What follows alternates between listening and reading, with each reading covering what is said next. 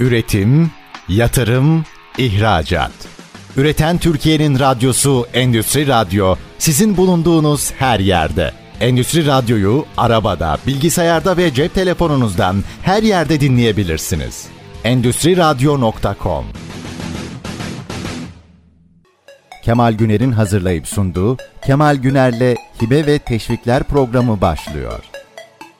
Herkese merhaba. Kemal Güner'le Hibe ve Teşvikler programımıza hepiniz hoş geldiniz. Programımızda devletin farklı kurumlarının hobilere, girişimcilere, sanayicilere verdiği hibe ve teşviklerin neler olduğunu ve sizlerin de kendi şirketlerinizde bu teşviklerden nasıl faydalanabileceğinizi konuşuyoruz. Eğer sizlerin bizlere sorularınız olursa da bizlere WhatsApp üzerinden 0555 169 99 97 numaramızdan veya kemal.sadeçözüm.com e-posta adresim üzerinden bana direkt iletebilirsiniz.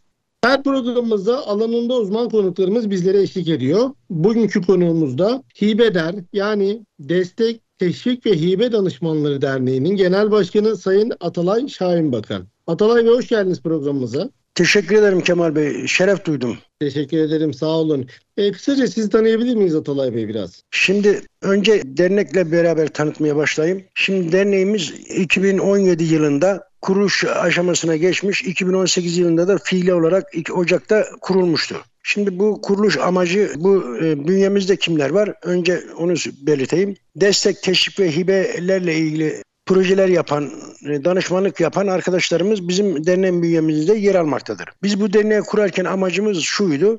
Yatırımcıların, her türlü yatırımcıların, bu sanayi olur, küçük ölçekli olur, tarımsal sanayi olur veya tarım e, olur veya ihracat destekleri olur. Her türlü destek, teşvik ve hibelerle ilgili danışmanlıkların uzman olmayan ellerle sıkıntı çıktığı için daha uzman ellerle, daha profesyonel bir şekilde danışmanlar tarafından yürütülmesi için kurulmuş bir dernektir.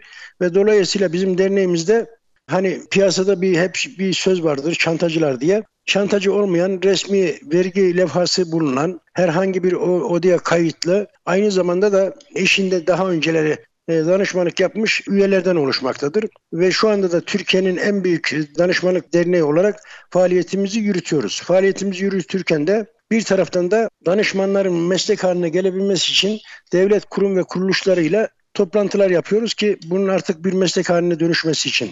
Bunun için de geçenlerde Cumhurbaşkanlığımıza yaptığımız bir toplantıda biz özellikle arkadaşlar olarak şunu dile getirmiştik. Yönetim kurulundaki arkadaşlarımızla beraber bir toplantı yapmıştık. Artık biz de danışmanlar olarak bir meslek birliğine kavuşmak istiyoruz. Yani odalaşmak istiyoruz. Bize de şunu demişlerdi. Başkan üye sayını tamamla gel derneğimizi biz e, el, odalaştırması için elimizden geleni yapacağız. Yani derneğimiz bu mihvalde e, faaliyetlerini yürütmektedir. Ben hem kurucu genel başkanlık ve ondan sonra yapılan genel kurullarda sağ olsun lütfen arkadaşlarımın onayıyla, tasvibiyle, biraz da destek ve teşvikleriyle genel başkanlığı yürütüyoruz. Şey, kuru hem kurucu genel başkan hem de o günden bugüne kadar normal seçimlerle gelen bir genel başkan olarak genel başkanlığı yürütüyoruz. Bizim genel başkanlığımızı yürütmemizin önemi ne? Önemi şu, biz artık piyasada danışmanlar olarak çantacılardan kurtulmak istiyoruz. Bu çantacılar çünkü en çok fazla hem yatırımcılara veriyor ama en büyük zararı veyahut da dokunduğu, e, verdiği zarar danışmanlık mesleğine ve danışmanlara oluyor. Çünkü yatırımcı veyahut da herhangi bir e, muhatabımız normal danışmanla e, uzman danışmanı veya kaliteli danışmanı, nitelikli ve nicelikli danışmanı ayırt edemiyor. Adına danışman diyen herkesle muhatap olmaya çalışıyor. Ondan sonra da yatırımlar heba oluyor. Kısaca deneyimizin özet geçmişi bu Kemal Bey. Çok güzel. E, derneğimizin, ya ben de bir üyesi olarak derneğimiz diyebilirim gönüllü atlıyla. Derneğimizin merkezi Ankara'da. E, ancak bütün şehirlerden üyelerimiz e, olabiliyor değil mi? Bu konuda da bilgilendirir misiniz bizi? Şimdi e, şöyle Kemal Bey, evet siz de zaten bizim derneğimize şeref verdiniz, üye oldunuz. İnşallah sizlerin e, uzman görüşlerinden de hem üyelerimiz hem de yatırımcılar faydalanacak. Bizim dernek genel merkezi Ankara'dadır ama dernek olarak Türkiye çapında e, tamamen örgütlenmiş Türkiye'nin her ilinden her ilçesinden neredeyse danışmanları bünyesinde toplanmış bir derneğiz. Yani Hakkari'sinden Edirne'sine kadar danışmanlık mesleğiyle iştigal eden, mesleği danışman olan arkadaşlarımızın bünyesinde bulunduran bir dernek. Biraz da kısaca üyelik şartlarından da bahseder misiniz? Hibe teşvik işleriyle uğraşan e, şirketleşmiş e, kişiler, kurumlar üye olabiliyor. Bunun haricinde aradığımız şartlar var mıdır? Kemal Bey şöyle bizim derneğimize üye olabilmek için mutlaka ve mutlaka kayıt altında bulunan yani merdiven altı olmayan adına danışmanı da demeyen ama gerçekten mesleği danışmanlık olan vergi lefası, oda kaydı ve geçmişlerinde bir danışmanlık yaptığına dair mesleği belgelendiren bu geçmişte kesmiş olduğu fatura olur veya almış olduğu belgelerle olur. Bunları belgeleyen insanlar arkadaşlarımız daha doğrusu danışman arkadaşlarımız bizim derneğimize üye olabiliyor. Derneğimize üye olabilmek için gerekli evrakları tamamladıktan sonra bir beyan var. Dürüstlük beyanı. Bu dürüstlük beyanı bizim için önemli ve esastır. E, o beyanda da der ki yatırımcıyı herhangi bir bilerek ve isteyerek yanlış bilgi vermeyeceğine, yanlış işlemler yapmayacağına ve e, yatırımcının bilgi sır e, bir saklama düsturuna uyacağına dair bir dürüstlük beyanı var. Bunu bu beyanı da verdikten sonra derneğimize müracaat ederler. Derneğimiz teşkilatlanmadan sorumlu genel başkan yardımcımız ve teşkilatlanmaya bakan arkadaşlarımız ilgili arkadaşlarımızı araştırırlar. Yani her müracaatı da kabul etmiyoruz biz. Derneğimize üye olarak kabul etmiyoruz. Eğer şartları uygunsa, herhangi bir imajında veya faaliyetinde bir sıkıntı yoksa o zaman e, yönetim kuruluna getirirler. Yönetim kurulunda biz kendilerinin üyeliğini kabul ederiz. Yani sistem evet. e, işleyişi bu yönde. Şimdi bizler tabii işin içinde olduğumuz için çok daha iyi biliyoruz.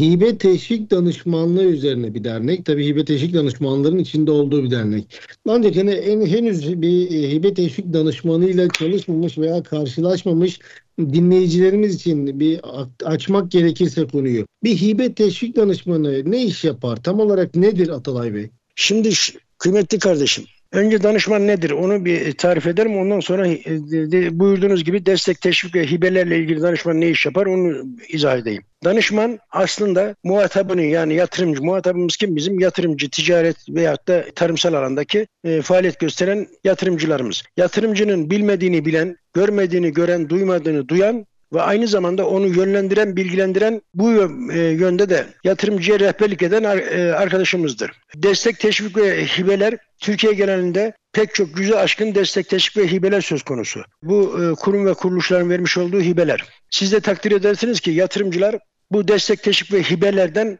hepsinden haberdar veya olması mümkün değil. Zaten olması da doğru değil. Çünkü bir danışmanla çalışmak durumundalar. Onun için de biz bir örnek vermek isterim size. Cumhurbaşkanı'nın yatırım ofisiyle bir yaptığım bir toplantıda demişti ki başkan ya başkanım böyle böyle bize yurt dışından e, arkadaşlar geliyor.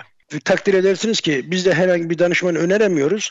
Bir danışmanla çalışabilirsiniz diyoruz ama zaman zaman da yurt dışından gelen yatırımcıları da danışman diyen arkadaşlar mağdur ediyor. Bu yüzden sizin en azından dernek olarak bir site e, şeyinize geçerseniz, üyelerinizi sitenizde bildirirseniz en azından biz e, deriz ki Hibeder'in e, bir grubu vardır. Gidin Hibeder üyesi danışmanlarla çalışın. Daha rahat hareket edersiniz demişti. Biz de bu yüzden arkadaşlarımızı destek teşvik ve hibelerle yeni çıkan mevzuat veya uygulamada bulunan çağrılarla ilgili zaman zaman iş bünyemizde eğitimler yapıyoruz. Zaman zaman da dışarıdan eğitim destekleri alıyoruz. Örneğin TÜBİTAK'la geçenlerde bir eğitim yaptık. E, Exim Bank'la eğitim yaptık.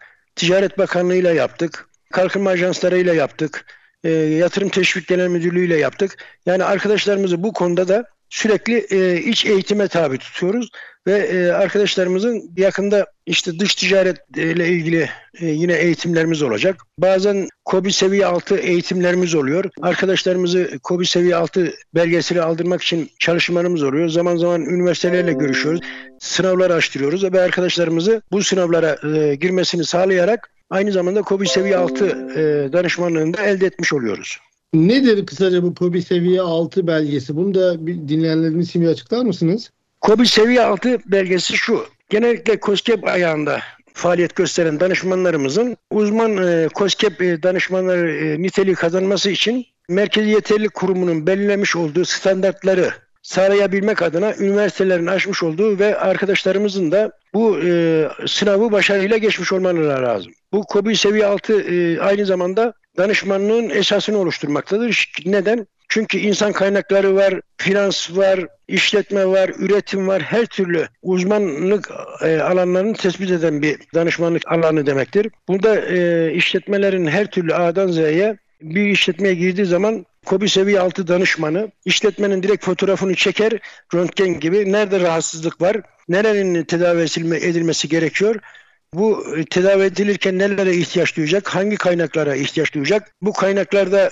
devletin kurum ve kuruluşlarından, imkanlarından nasıl yararlanır, bunları yönlendiren, bilgilendiren ve yatırıma yön veren danışman demektir. Yani e, sadece hibe teşvik danışmanları için değil, danışmanlık mesleğini yapan, her alanda danışmanlık mesleğini yapan e, bütün danışman arkadaşların alabileceği bir belge e, çeşitli farklı alanlarda e, sınava tabi tutuluyor tabii danışmanlar. Belirli aşamalardan geçen danışman arkadaşlara da devletimiz KOBİ danışmanı belgesini veriyor ve bu da özellikle COSGAP'in e, bazı programlarında bu belge tabii ki de arkadaşlarımızın ve bu programlara başvuracak firmaların işlerine yarıyor.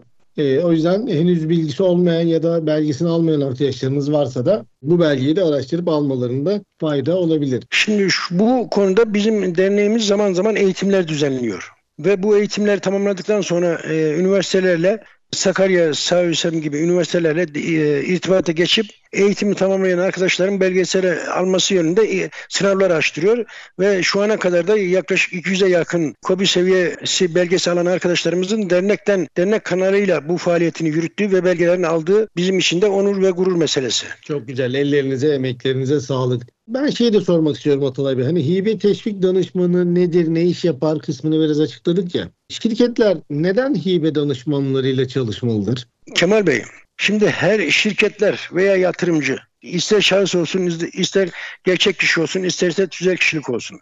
Hibe destekli teşviklerin e, kendine has mevzuatları var. Kendine has şartları var. Çıktığı çağrı dönemine ait bazen çağrı dönemine ait şartlar farklılaşır. Ve dolayısıyla bizim danışman arkadaşlarımız, bu işleri yürüten, bu konularda faaliyet gösteren danışman arkadaşlarımız bu mevzuatları takip eder. Mevzuatların e, uygun şartları taşıyan yatırımcılara ve sizin dediğiniz gibi şirketlere yön verir, yönlendirir. Şimdi şirketler bunun e, mevzuatını bilemeyebilirler. Bilmeleri de zaten bekle, beklemek doğru değil. Bunu e, en iyi uzmanı meslek olarak meslek edilmiş danışman arkadaşlarımızdan yararlanmak durumunda kalıyorlar. Onun için de bu danışman arkadaşlarımızın yatırım teşvikleriyle ilgili olsun, Tarım Bakanı ile ilgili olsun, dış ticaretle ilgili olsun, KOSGEB ile ilgili olsun, ya devletin hangi kurum ve kuruluşlarından alanına giren faaliyetleri bulunuyorsa orada o faaliyetteki uzman arkadaşlarımız da çalışmak durumundadır. Çünkü bu uzman arkadaşlarımız onlar adına geçmişten geleceğe e, mevzuatları takip ediyorlar. Şartları e, iyice öğreniyorlar ve yatırımcının da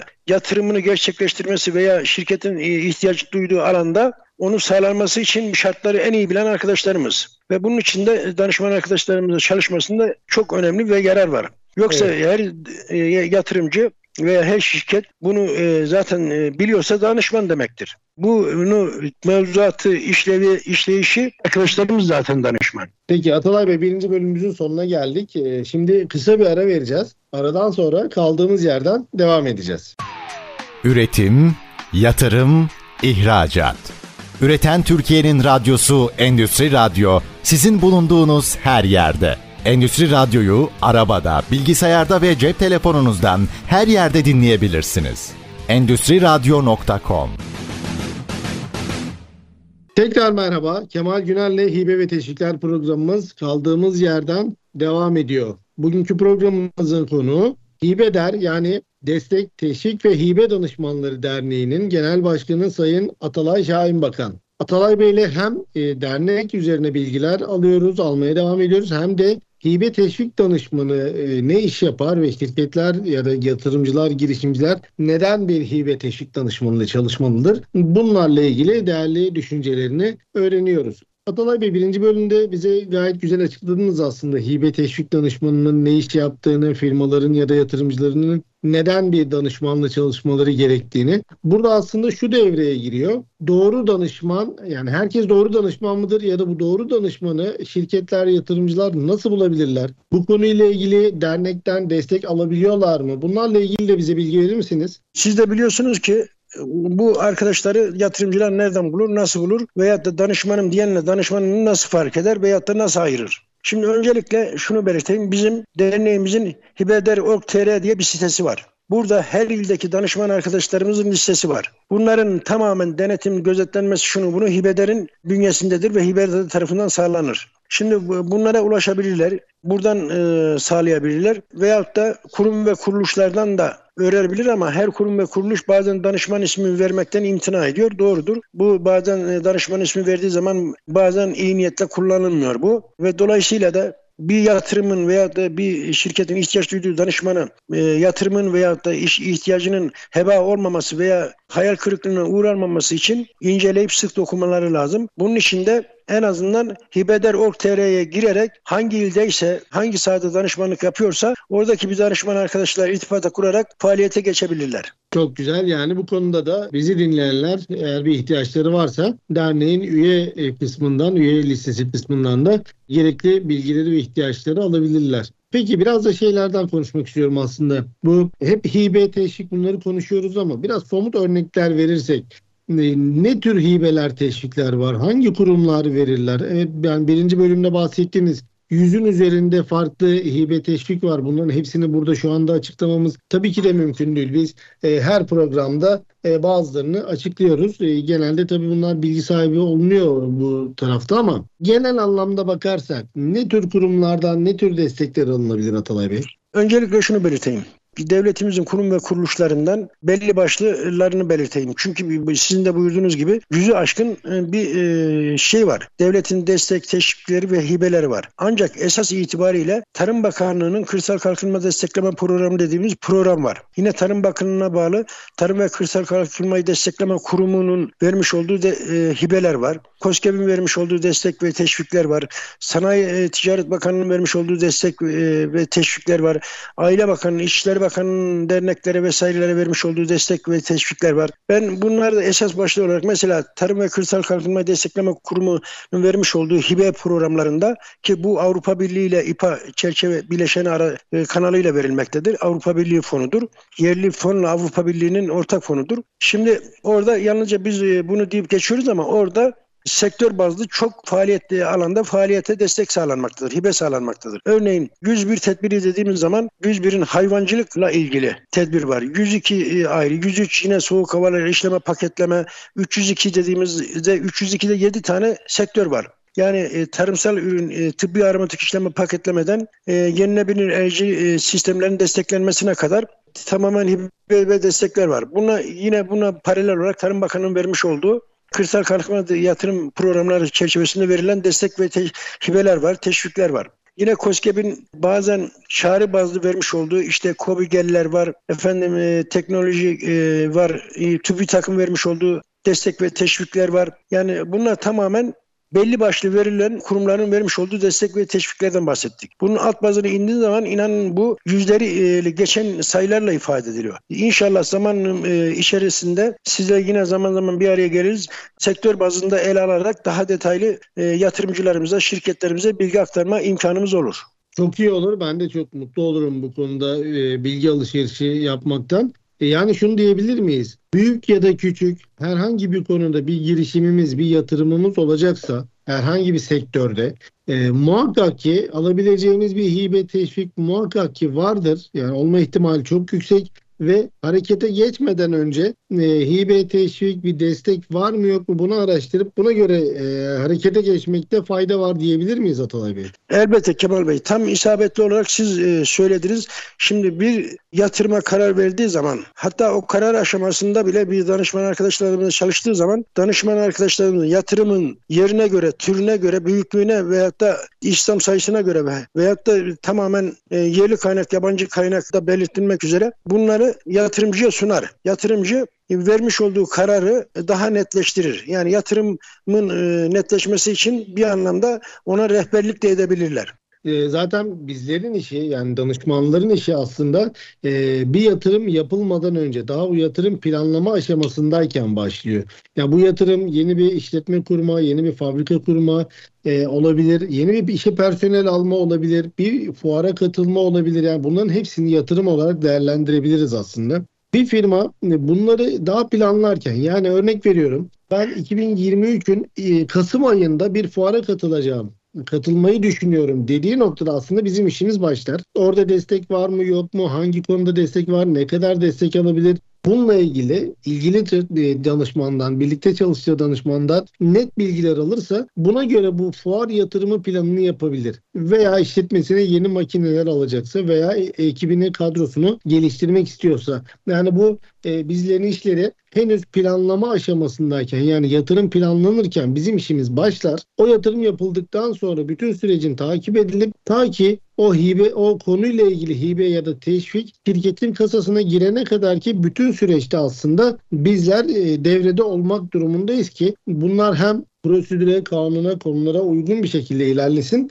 Hem de firmalarımız bunlardan elde edebilecekleri e, gelirleri de, rakamları, destekleri de e, tam ve sorunsuz bir şekilde alsınlar. Çünkü en önemli konulardan bir tanesi de bu süreci sorunsuz yönetebilmek aslında. Çünkü bir taraf devletten bir ödeme almak olduğu için burada haliyle ki e, bütün kurallara ve kanunlara uygun bir şekilde hareket etmemiz gerekiyor. Bu yüzden de bu süreçleri birileriyle, bilen birileriyle yönetmekte fayda var. Çünkü sizler de eminim karşılaşıyorsunuzdur. Bir şekilde o hibe, teşvik, kağıt üstünde tırnak içinde uydurulup o destek alınabiliyor belki ama bir süre sonra bu denetlemelerde ki devletin denetleme mekanizması bu konuda çok iyi ilerliyor. Bu denetlemelerde bu haksız kazanç e, eğer tespit edilirse ki haksız kazanç varsa kesinlikle tespit ediliyor ve firmalar zor durumda kalıyorlar. O yüzden Mesela bize de bazen gelir firmalarımız hani e, bir destekten bahsederiz. Faturayı yüksek gösterip daha çok alabilir miyiz diye sorular gelir mesela. Hani deneyebilirsiniz derim. Yapabilirsiniz ama ben yapmam size de tavsiye etmem diyorum.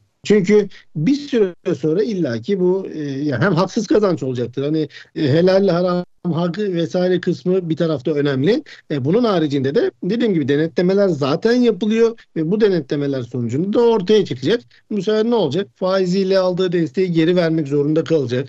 E, hatta e, yanlış işlemler, haksız kazanç, e, bilerek haksız kazanç elde ettiği için de cezai işlemlerde söz konusu olacaktır. Ben o yüzden buradan e, yatırım yapan sanayici girişimcilerimize duyurmuş olayım. Bu yöntemleri e, biz tavsiye etmiyoruz. E, o yüzden sizler de girmeyin yapacağımız Şimdi, yatırımlarla ilgili hak edişimiz neyse onu almakta fayda var. Kemal Bey bu konuda e, müsaade edersen bir şey, kaç şey de ben ilave etmek isterim. Şimdi e, bakın siz dediniz ya e, yatırım e, bazen geri iade edilebilir. İnanın e, ben geçen sizle özel sohbette de bahsetmiştim. Burada da bahsetmek de istiyorum. Bir örnek olsun. KOSGEB Başkanı ile oturuyorduk. Ya KOSGEB Başkanı'nın telefonunu arıyorlar, mesaj atıyorlar. KOSGEB'den e, şu kadar destek çıktı sizin firmanıza. Lütfen bunun için hemen kullanın diye. Bunu KOSGEB Başkanı'nı arıyorlar. Şimdi onun için de lütfen e, yatırımcılarımız, şirketlerimiz veyahut da gerçek kişilerimiz her söylenene inanmasınlar. Şimdi daha sonra mağdur olurlar. Yalnızca maddi imkanlarını kaybetmekle kalmayıp hayallerini de yitirirler. Maddi imkanı telafi edebilirsin ama yıkılan hayalleri zor telafi edersin. Şimdi gerçek zaten danışman da odur. Doğru bilgilendirir, doğru iş yapar, doğru yönlendirir. Doğru bilgilendirdikten sonra doğru yönlendirmek kolaydır. Eğer e, şartları sağlıyorsa dersin ki tamam bu siz bu şartları sağlıyorsunuz yola devam edersin. Ama şartlar sağlamıyorsa danışman hayır siz bu şartları sağlamıyorsunuz bana değil 3 bin lira 3 milyar da verseniz ben bu işe girmem çünkü siz zaten alamazsınız. Ne destek ne teşvik ne de hibe alabilirsiniz.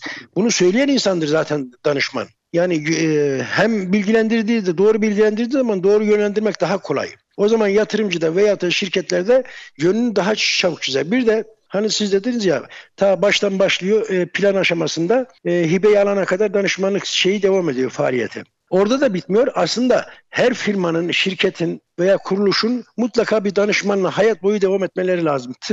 Tıpkı iş güvenliği gibi, tıpkı bir doktorla sürekli kendi özel aile doktorları olduğu gibi özel e, danışmanları da olması lazım. Çünkü zaman içerisinde firma bilgisi olması dahi o firmaya ait imkanlar çıkıyor. Devlet çeşitli imkanlar yayınlıyor. Bu imkanların da e, yararlanabilmesi için bir danışman zaten mevzuatı sürekli takip ettiği için de yatırımı veya yatırımcıyı veya şirketleri o imkanlardan yararlandırmak adına mutlaka bir danışmanla birlikte yürümeleri lazım. Ama her danışmanın diğeri de inanmaması lazım. Bir diğer bir konuda şu. Şimdi e, arıyorlar, bizi de arıyorlar. Biz birçok bu danışmanım diyen kişilerle mahkemeliyiz. Ve onlar e, biz e, dernek olarak mahkemeye de verdik. Çünkü bizim adımızı sıkıntıya sokuyorlar. Danışmanın meslek adını sıkıntıya sokuyorlar. Diyorlar ki biz tamam bize işte bin lira veya üç bin lira verirseniz biz bu işi yaparız. Hemen fizibilite yazar veririz.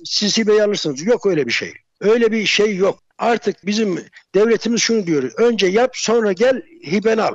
Yani biz size 3, 3 lira yerine 13 lira hibe alırız. Bu, bu da mümkün değil. Çünkü mümkün olsaydı zaten o danışman onu doğru bilgilendirdi, bilgilendireceği için bunları bilgi verirdi. Dışarıdaki hani bir söz var. Ucuz etin yahnisi yağsız olur diye. Bazen danışmanın da hakkını vermek lazım. Bu, bu konuda bazen yatırımcılarımız da hakiki danışman eğer bir 10 bin lira istiyorsa bir yatırım için veya danışmanlık için diğeri e, 3 bin lira veya 1000 lira istiyorsa hemen ona bir 3 bin 5 bin lira fark için danışman olmayan tamamen merdiven merdiven altında iş yapan insanlara yöneliyor. Ondan sonra bunun neticesinde değil 3 bin lira 7 bin lira bir sefer 300 bin lira 700 bin lira kaybediyor. Yani buna da dikkat etmek lazım ve mutlaka ısrarla söylüyoruz. Mutlaka yatırımcılarımız bir danışman, uzman danışmanla, nitelik, nicelikli danışmanlarla çalışmak zorundadır. Yoksa öbür türlü ver bana 3 bin lira senin işini yapayım al bundan 100 bin lira. Hayır bu artık yok. Biz de bu mücadeleyi sonuna kadar devam ettireceğiz ve yatırımcıların ve devletimize imkanları boşa gitmemesi adına yatırımcıların hayali yıkılmaması adına mücadelemiz devam edecek. Evet yani çok doğru söylediniz. Ee, bu konuda e, danışmanlık mesleğinin e, hakkının verilmesi lazım aslında. E, bu hakkı da aslında bizim sağlamamız lazım. Yani danışman arkadaşlarım bizlerin e, önce bu hakları savunmamız ve buna göre hizmet vermemiz lazım ki zaten hizmet alanlar e, aldıkları işin kalitesini gördükten sonra onlar da e, bu hakkı vereceklerdir. O yüzden buradan özellikle e, her konuda aslında danışmanlık yapan arkadaşın muhakkak ki kendi alanı ile ilgili işinin hakkını vererek doğru, net, açık bilgilendirmeler yaparak e, hizmetler vermesini diğer arkadaşları, diye aynı iş yapan rakipleri gibi görünse de aynı iş yapan diğer arkadaşlara da e, karşı bir sorumluluğumuz olduğunda bilerek hareket etmekte fayda var. Burada bu işin tabii rakamsal boyutları da çok önemli. Hani e, evet biz sonuçta e, yani hizmet sektöründeki firmalarız ve sattığımız şey zaman. Aslında zaman satıyoruz biz. Ben bu konuya biraz daha detaylamasına girmek istiyorum ama şimdi saatime baktığımda bir ara vaktimizin geldiğini görüyorum Atalay Bey. Şimdi ikinci bölümümüzün de sonuna geldik. Kısa bir ara vereceğiz. Aradan sonra kaldığımız yerden tekrar devam edeceğiz. Üretim, yatırım, ihracat. Üreten Türkiye'nin radyosu Endüstri Radyo sizin bulunduğunuz her yerde. Endüstri Radyo'yu arabada, bilgisayarda ve cep telefonunuzdan her yerde dinleyebilirsiniz. Endüstri Radyo.com Tekrar merhaba. Kemal Güner'le Hibe ve Teşvikler programımız son bölümüyle kaldığımız yerden devam ediyor. Eğer sorularınız varsa bizlere 0555 169 99 97 numaralı WhatsApp hattımızdan veya kemal.sadeçözüm.com e-posta adresim üzerinden e, bizlere sorularınızı iletebilirsiniz. Programımızın bugünkü konuğu Hibe Der yani Destek Teşvik ve Hibe Danışmanları Derneği'nin Genel Başkanı Sayın Atalay Şahin Bakan. Atalay Bey ile hibe ve teşviklerin türlerinin neler olduğunu ve özellikle danışmanların neden var olduğunu ve şirketleri olan faydalarını Hatta danışmanım diyenlerinde olabilecek muhtemel zararlarını aslında birlikte konuşuyoruz. Çok da değerli bilgiler veriyor bize sağ olsunlar. Atalay Bey ikinci bölümün sonunda aslında danışmanlık mesleğinin hakkının verilmesinden bahsediyorduk. Ve bunu da özellikle danışman arkadaşların yapması gerektiğinden bahsediyorduk. Hibe teşvik sektörüne baktığımızda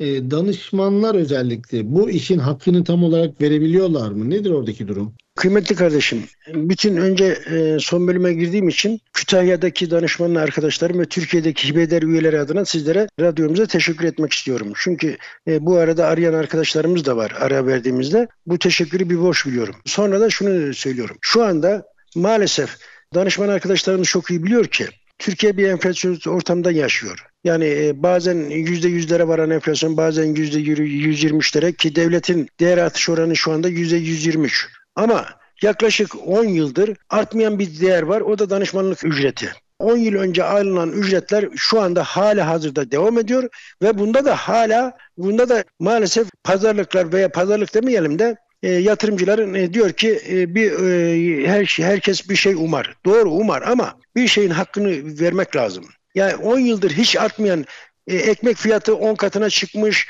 benzin fiyatı 10 katına çıkmış, efendim döviz 3 bin liradan 20 bin liraya gelmiş dayanmış 6 katına çıkmış ama danışmanlık nedense hep geri gidiyor danışmanlık ücreti.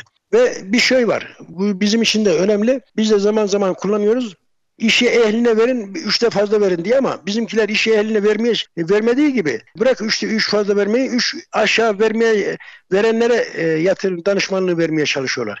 Bu doğru değil. Her şeyin bir e, hakkı vardır. Ekmek eğer fırında pişiyorsa ve un eğer 500 liraysa e, mutlaka ekmeğin işte gramajına göre veya girdilerine göre onun bir maliyeti oluşuyor. Danışmanın da bir maliyeti var. Çalıştığı personel, çalıştırdığı personel var, ödediği vergiler var. Çünkü danışmanlık mesleğinin diğer bazı e, meslekler gibi gideri gider kalemi fazla yok. Yani e, işte çok az gider kalemi oluşturuyor ve dolayısıyla da vergi oranı çok yüksek çıkıyor. Şimdi birçok Avrupa veya değişik dünyadaki ülkelerde danışmanlık gelirinin vergi dışı tutulduğu biliniyor. Biz hadi vergi dışını e, geçtik. Normal e, hakkımızı elde almak istiyoruz. Maalesef bunun için de biz zaman zaman dernek bünyesinde asgari ücretlendirme standartını oluşturmaya çalışıyoruz. Bunun haricinde yapılan hizmetlerden kimse fayda görmez. E, zaten merdiven altı danışmanların piyasada tutunma sebebi de bu. Fiyatlandırma politikaları. Bir danışman hesap ediyor. Diyor ki bu iş bundan aşağı olmaz.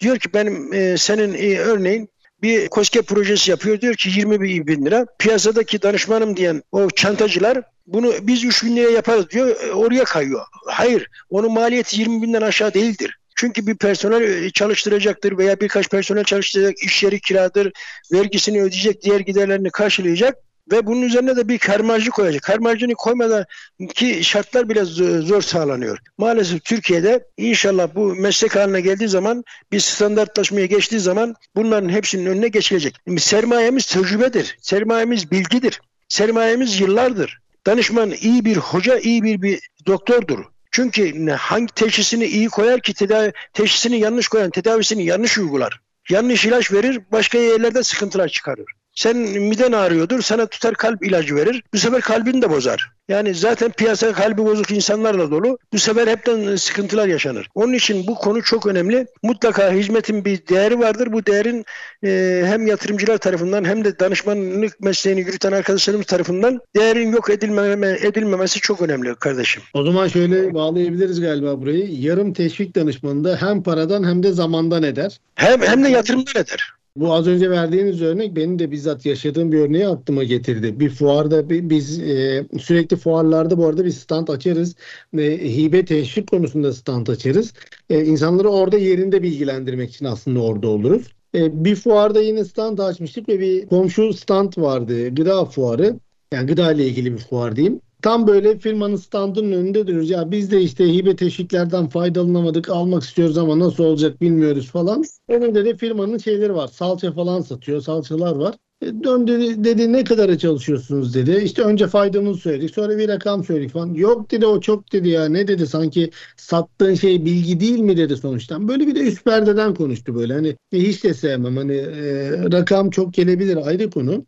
E, ama üst perdeden konuşmaması gerekirdi. Öyle yapınca benim de biraz canım sıkıldı. E, doğru diyorsunuz dedim. Hani e, sonuçta sattığınız şey bilgi diyor. Yani bilgiyi o kadar değersizleştiriyor ki orada bakış açısı. Ne doğru diyorsunuz dedim. Salça bilgiden daha değerli değil mi dedim. Hani ona göre mi kıyaslama yapıyoruz? Hani burada elma ile elmayı armutla armutu kıyaslamak lazım aslında. Az önce sizin söylediğiniz şey. Yani bizim buradaki tecrübemiz yıllarımız. Yani yıllardan beri bu işte emek veriyoruz ve belki araştırarak e, işte 10 günde öğreneceğiniz bir bilgiyi size 10 saniyede iletiyoruz ve e, buradan hem maddi hem manevi fayda sağlamanızı e, biz de sağlıyoruz, vesile oluyoruz. O yüzden firmaların bu bilgiyi almaları için gerekli hakkı vermeleri lazım. Bu demek değildir ki fazla fazla ödemeler yapmaları lazım. Sadece bunun bir orta yolu illaki vardır ve bulunur. Ee, burada tabii danışman arkadaşlara da çok e, rol düşüyor. Yani e, neticede baktığımızda aslında umut satıyoruz biz. Yani firmaların umutları var. Yani ben bir yatırım yapacağım ve bir beklentileri var. Devletten bununla ilgili maddi manevi destek bekliyorlar. Sonuçta çok güzel hibeler, teşvikler de var ve biz bunları anlattığımızda ihtiyarları kabarıyor. Daha da umutlanıyorlar. O yüzden biz bu umudu verirken net bilgi vermeliyiz. Yani firmanın alamayacağı teşviği alınacakmış gibi, alabilirmiş gibi anlatmamamız gerekiyor. E, bu hem bizim için zaman kaybı olur hem de firma için umut kırıcı bir hal olur. Yani bu konuda net ve açık bilgi vermeleri e, çok doğru. Ben bir kere yine bir firma ile karşılaştım. E, ya şirket sahibi tek başına bir işletme sahibi e, bir girişimini kurmuş ve çalışıyor. Şimdi şahıs işletmesi alabileceği yani ihracat desteklerinden faydalanamaz. E, personeli yok, personel desteklerinden faydalanamaz. Ama sektörden başka bir e, nispeten büyük diye sayabileceğimiz bir danışmanlık firması bir teklif göndermiş. İçinde ihracat destekleri var, personel destekleri var. Bunların hepsinden faydalanabilirsiniz demiş ve ön ödeme almış. Yani bunu yapmamamız gerekiyor. Hiçbirimizin yapmaması gerekiyor. Çünkü e, o arkadaş tabii yarı yolda kaldığı için bize ulaştı. Biz süreçlerini devam ettirdik ama e, bizlere çok rol düşüyor. Ee, mesela bilmediğimiz bir şeye bilmiyoruz demek hani bizim ülkemizde pek sevilen bir şey değildir ben bilmiyorum e, demek ama e, işimizle ilgili tabii ki de her şeyi bilmeliyiz ama yine ilk başta konuştuğumuz konu yüzün üzerinde farklı çeşitli devlet desteği, hibe ve teşvik var. Bunların hepsine A'dan Z'ye hakim olmak çoğu zaman imkansız olabilir. O yüzden bir alanla ilgili bir soru, talep, bir şey geldiği zaman bilmiyoruz demek orada çok daha fayda sağlayacaktır. Buradan da yine danışman arkadaşlara bilgi olarak iletmiş olalım. Bu şekilde davranmak hem firmaların kendilerine olan güvenlerini arttırıyor ki ben bunu bizzat çok yaşıyorum firmalarda.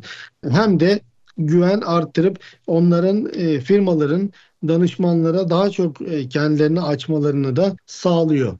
Bir de şu konu var ki başkanım sizlere bu konuya girmek istiyorum. Bazı tırnak içinde danışmanım diyenler veya danışmanlar da e, bazı konularda %100 hibeyi alacağını garanti edici konuşmalar yapıyorlar.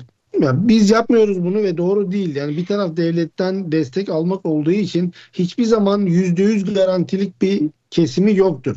Ee, siz bu konuda ne düşünüyorsunuz? Kıymetli kardeşim önce e, biraz önce konuştuğum konuya bir temas etmek istiyorum. Danışman yatırımcıların veya şirketlerin bilgi e, şeyidir, merkezidir bilgi merkezi danışmandır. Bunu belirttikten sonra şu şunu da söyleyeyim. Şimdi hiçbir danışman evet yani her şeyi bilmek veya danışman değil. Hiç kimseyi her şeyi bilemez. Ancak iyi bir bilenle çalışır. Bizim Hibeder bünyesinde COSGAP, yalnızca COSGAP konusunda uzman olan arkadaşlarımız var. Yalnızca tarımsal e, sektörde faaliyet danışmanlık yapan arkadaşlarımız var. Dolayısıyla COSGAP konusunda e, faaliyet gösteren bir arkadaşımız tarımsal konuda bir teklif geldiği zaman veya bir görüş sordukları zaman rahatlıkla bir, burada kendisine bir partner firma o konunun en uzmanı danışman arkadaşımızla birlikte yürüyebilirler. Ve dolayısıyla onun bilgisi tarımsal alandaki danışmanlık yapan arkadaşımızın bilgisi aynı zamanda COSGAP'teki yapan COSGAP yapan arkadaşımızın bilgisi demektir birlikte yürüyebilirler. Bir de en son söylediğiniz konuya geleyim. Maalesef ve maalesef %100 garantili proje yapıyorum diyenler var. Yani bu işin garip tarafı da şu, hiçbir şey %100 garanti değildir. Yani bunu insanlar bilse bile bunu %100 garanti diyene inanmak istiyor veya ona yönleniyor veya ona yönlenmek istiyor. Ama daha sonra işin acısı veyahut da yatırımı alamadığı, hibeyi alamadığı zaman ortaya çıkıyor. Masraflar da e, yapıyor, ona da boşa gidiyor ama iş uygulandıktan sonra sonra da diyorlar ki ya e, biz bir danışmanla çalıştık böyle böyle mağdur olduk. Hayır siz danışmanla çalışmadınız. Siz kendine danışman diyen insanlarla çalıştınız. Merdiven altıyla çalıştınız. Danışmanla çalışmış olsaydınız mağdur olmazdınız. Çünkü ya, o size yüzde yüz garanti vermez. Çünkü devletin imkanları da sınırlı. Diyor ki bir bütçe ayırıyor. İşte bu kırsal kalkınma destekleme kurumu işte diyor ki bu seneki bütçe 100 milyon e, euroluk bir bütçe. Sen binlerce proje gidiyor oraya. Bütçe yetmediği zaman ne yapacak? Danışman ne, ne kadar doğru ya danışmanın asli vazifesi doğru işi doğru zamanda yapmak, doğru kişilerle yapmak. Sen ne kadar e, danışmanın görevi bu. Doğru iş yapacaksın, doğru zamanda yapacaksın. Şimdi sen bütçe yetmediyse sen ne kadar doğru yaparsan yap. Puanlamadan e, bir de şartlar var. O puanlamadan geri kaldığın zaman senin projen onaylanmaz. Ona, onaylanmaz. Ne yapar? Bütçeden dolayı geri kalır. Fakat kurumlar işin kolaylığına kaçıyor. Yatırımcıyla muhatap olmamak veya onlarla karşı karşıya gelmemek adına işin kolayı diyorlar ki bu danışman hatası. Hayır danışman hatası değil. Yani bu, ben bunu birçok zaman yaşıyorum. Kurumlarla da karşı karşıya geliyoruz. Ya bakın diyorum ki durum bu. Bu arkadaşımız gerekli işlemi yapmış mı? Yapmış. Doğru mu yapmış mı? Doğru yapmış. Peki niçin siz danışman hatası diyorsunuz buna? Yatırımcıyla danışmanı karşı karşıya getiriyorsunuz. Ya işte biz ne diyelim? E, bütçe yetmedi. O zaman kardeşim bütçe yetmedi deyin. Evet. Ya arkadaş sizin e, projeniz geldi. Doğru da bir proje, doğru da yapılmış ama bizim bütçe yetmediği için biz size destek sağlayamıyoruz. Bunu söyleyin. Neden danışmanı atıyorsunuz? Ya e, biz e, böyle dediğimiz zaman siyasi baskılar yapıyorlar, bilmem ne yapıyorlar. E, ondan kaçınmak için ne hakkınız var danışmanları lekelemeye, danışmanları e, suç atmaya ne hakkınız var? Danışmanlık mesleğinin meslek olarak tanımlanması şart. Bunun için mücadele Evet. ediyoruz.